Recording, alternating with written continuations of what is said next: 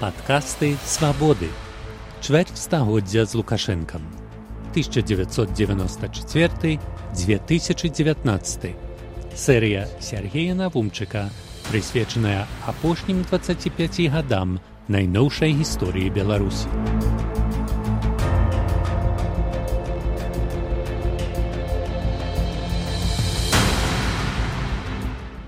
У сваіх перадвыбарчых прамовах Лукашенко абяцаў аднавіць разарваныя ў выніку распаду ССР эканамічныя сувязі, запусціць спыненыя заводы, як вы гэта зробіце, рытарычна парыраваў у часе дэбатаў Кебіч, і што не менш падабалася людзям пасадзіць карупцыянераў.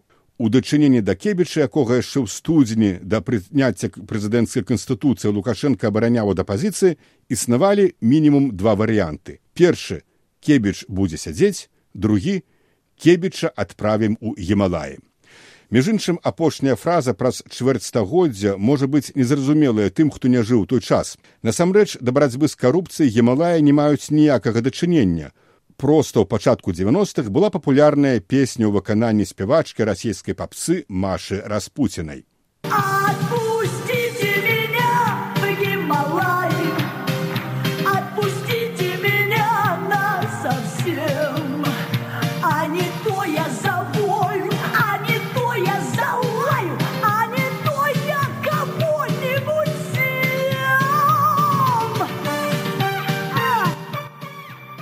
Ямалаю спрымалі як нешта вельмі далёкае, куды якраз і варта было адаслаць карумпаванага прэм'ера.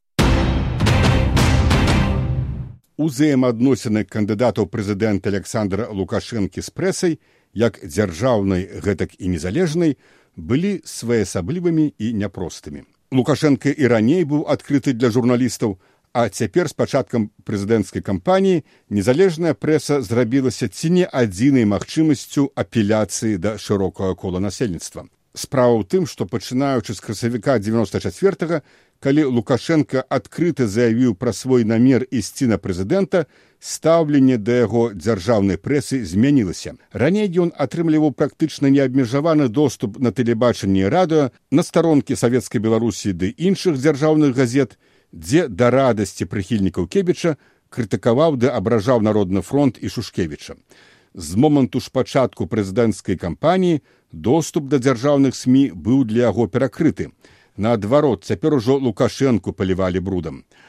Аднак народ ужо убачыў у лукашэнку свайго выратавальніка маладога энергічнага харызматычнага з гэткай жа энергічнай камандай час семидесятгадовых палітыкаў сыходзіць было напісана ў адной з улётак лукашэнкі і сам факт працы падкантрольнай уладзе прэсы супраць лукашэнкі парадаксальным чынам ішоў яму на карысць. Другой парадаксальнай адметнасцю было тое што агульная ідэйная танальнасць падкантрольнай кебічу дзяржаўнай прапагандысцкай машыны цалкам супадала з ідэйнымі пазіцыямі лукашэнкі як мага больш шчыльная інтэграцыя з рассеі ва ўсім вінаваты дэмакраты без москвы нам не пражыць ну і гэтак далей.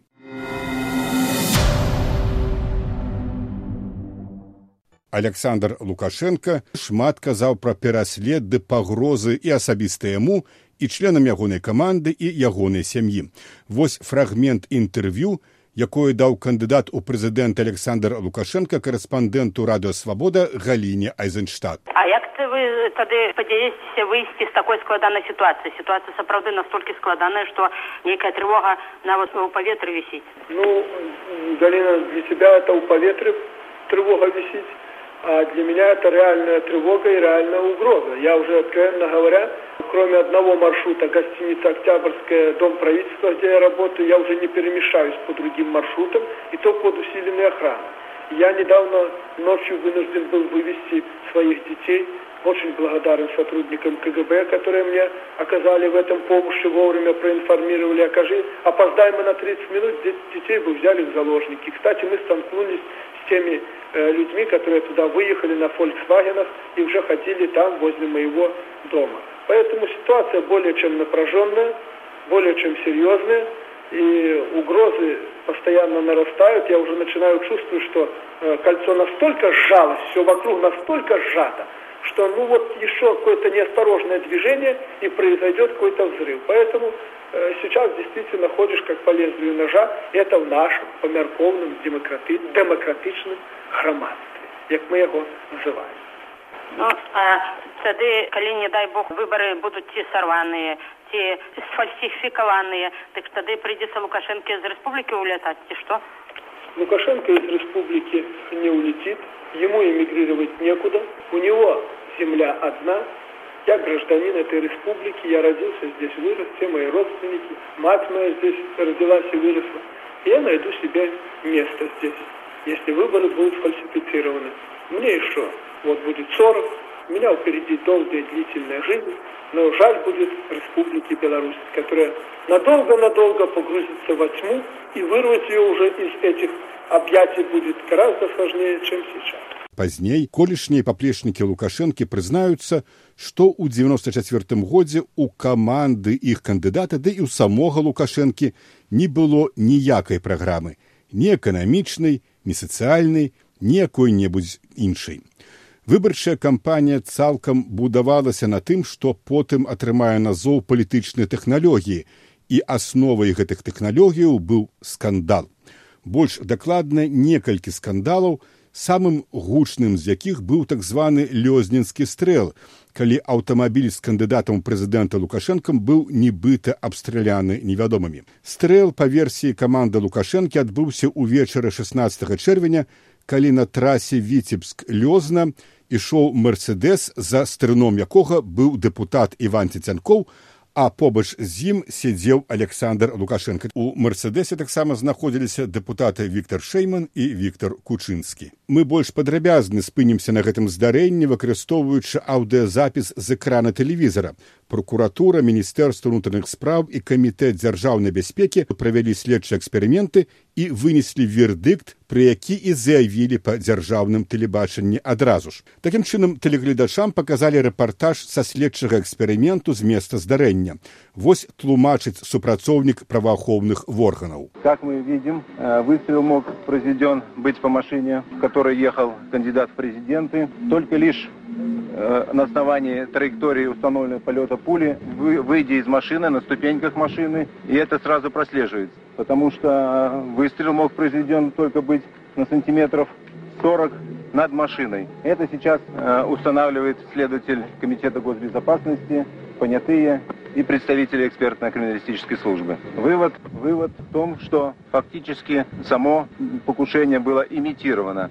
А вот тлумачение одного со следших. Водитель Титенков поясняет дальше свои показания, что когда он услышал эти хлопки, и как он осознал, что в них ведется прицельный огонь с огнестрельного оружия, он нажал резко на тормоз.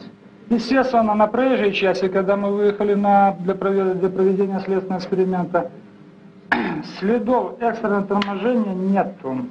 Ну а гэта тлумачэнне афіцыйнага прадстаўніка камітэту дзяржаўнай бяспекі. Покушение на народного депутата Республики Беларусь, кандидата в президенты Александра Лукашенко не было. Повторяю, не было. Комитет госбезопасности располагает соответствующими материалами, дающими основания для такого заявления. Показали ў тэлерэпартажы і інтэрв'ю з адным з кіраўнікоў лёзнінскага райваканкаму. Вчера э, присутствовал он у нас на совещании, кандидат у президента. И, я скажу, вел себя наглейшим образом.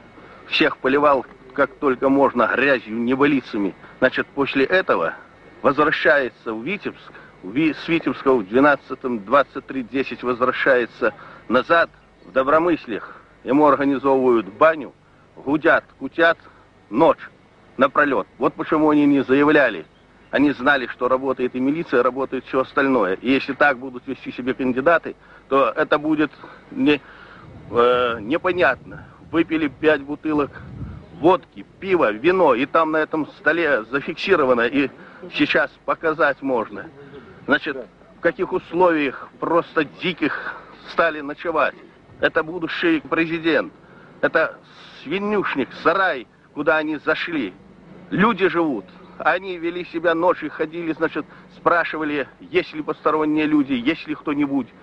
Расспрашивали. Вот так мы выдвигаем и выбираем. Если мы выберем такого, то мы на коленке... і нарэшце слова каментатара беларускага тэлебачання калі сапраўды з іншамаркі стралялі у мерседес лукашэнкі то чаму ж яго спадарожнік які меў под рукой пісталет кулемёт цечкіна не адкрыў агонь у адказ? Рабіце вывады. Высновы большасць тэлегледачоў зрабіла зусім не тыя на якія разлічвалі ўлады. Ні следчым органам ні афіцыйнаму тэлебачанню не поверылі нагэтулькі улады былі дыскрэдытаваны ў вачах насельніцтва. Усё што казалі улады супраць лукашэнкі працавала наадварот так здараецца калі народ бязмежна верыць не розуму а сэрцу. Галасуйце сэрцам заклікаў лукашенко. І прагаласавалі. У выніку галасавання ў першым тура 23 чэрвеня паводле афіцыйных дадзеных цэнтральнай выбарчай камісіі у другі тур выйшлі александр лукашенко 45,8 процентаў галасоў і вячеслав кебіч 17,7 процента. На трэцім месцы быў занон пазняк больш за 13 процентаў на чацвертым станіслав шушкевич больш чым 10 процентаў 6 процентаў было александр дубко і амаль чатыры з паловы працэнты ў Васіля Новікава. На скандальнай ноце прайшлі і дэбаты лукашэнкі кебіча па тэлебачанні. Гэты эфір сабраў, напэўна, самую рэкордную па колькасці аўдыторыю за ўсе гады існавання маладой незалежнай беларускай дзяржавы. Але пра ўмацаванне беларускай дзяржаўнасці гаворкі не было. Абодва кандыдаты кебіча лукашенко кляліся ў імкненні як мага шчыльней прывязаць краіну да рассеі. Фактычна, у другім туры выбаршчыкі не мелі таго, што можна вызначыць у якасці нацыянальнай альтэрнатывы. У студыю былі запрошаны і журналісты. Задаў пытанне кандыдатам и корреспондент Российской службы «Радио Свобода» Юрий Дракохруст. Вы оба ратуете за тесный союз с Россией. В этой связи у меня к вам вопрос. С вашей личной точки зрения, каков минимальный объем суверенитета, минимальный набор элементов суверенитета, которые нельзя уступать ни при каких обстоятельствах. Спасибо. Отвечу так, что суверенитет должен быть сохранен. А мы вступаем в экономический союз, такой же союз, какой вступают все европейские страны, в том числе и тот союз, который сейчас образует такие страны, как США, Мексика и Канада. Гэта быў адказ Вячаслава Кебіча, які будаваў сваю выбарчую кампанію на цеснай інтэграцыі з рассіі, абяцаў увядзенне ў якасці адзінага плацежнага сродку расійскага рубля, але вось заўважым заявіў пры гэтым, што суверэнітэт павінен быць захаваны. А вось як адказаў на пытанне корэспандэнта свабоды Юра Дракахруста Александр Лукашенко. Я суверэнітэт аб'ёмам не измеряю. Кожны мог зразумець такі адказ як заўгодна. У часе дэбатаў Лукашенко наўпрост абвінаваціў кебіча ў развале савецкага саюзу і падпісанні віскулёўскіх пагадненняў. Цягам усёй дыскусіі Лукашенко падтрымліваў свой імідж пакрыўджанага пераследуемага ўладамі. І последнее фельдъегерской связью вот эта ложь и клевета от имени премьера распространяется по всей республике. Я могу тоже вам показать семь листовок фельдъегерской связью, которая секретные документы должна распространять. Вот эти факты, я вам их передам. Почему Александр Григорьевич мне хочет отдать документы? Я к этому не имею никакого отношения. Пусть он отдает их в центр избирком. Памятаю, калі Лукашенко вымавіў тыя словы пра фельдъегерскую сувязь, у мяне ўзнікла адчуванне, што гэта я ўжо недзе чуў, прычым не аднойчы чуў. І ўжо пазней прыгадаў, дык гэта ж гогаль, рэвізор, Слово Хлестакова вот як яны гучаць у оригинале. После видят, нечего делать, ко мне. И в ту же минуту по улицам курьеры, курьеры, курьеры. Можете представить себе 35 тысяч одних курьеров. В одной 450 тысяч, в другой 1 миллион фельдъегерской связью. 7 листовок фельдъегерской связью. 10 ліпеня адбыўся другі тур выбараў. У гэты дзень я быў у глуску і бачыў, што самай раніцы людзі ішлі на выбарчы ўчасткі, апранутыя ў святочнае, ну як на вяселле. Лукашенко набраў больш за 80соткаў галасоў, кебіч 14соткаў. Пазней кебіч гэтак напішу ў сваіх мемуарах цытую: Я не лічу, што пацярпеў поўную паразу. Па сутнасці справы мы выступалі з Александром Лукашэнкам з аднолькавых палітычных пазіцый, змагаліся не адзін з другім, а за прэзідэнцкае крэсла розніца была толькі ў падыходах да дасягнення пастаўленых мэтаў і галоўным вынікам першага тура варта мабыць лічыць паразу стаўленнікаў нацыяналістычных сіл зянона пазняка і станіслава шушкевіча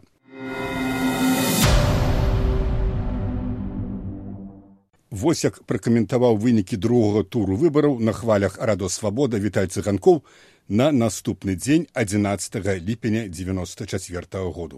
Вынікі другого туру красамоўна пацвердзілі, што выбаршчыкі прагаласавалі не столькі за лукашэнку, колькі супраць кебіша і за любыя перамены ў жыцці. У другім туры перад імі выразна паўстала альтэрнатыва альбо за існуючую ўладу, альбо супраць яе за новую ўладу.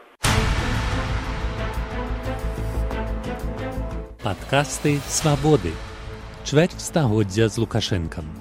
1994-2019. Серыя Сергея Навумчыка, прысвечаная апошнім 25 гадам найноўшай гісторыі Беларусі.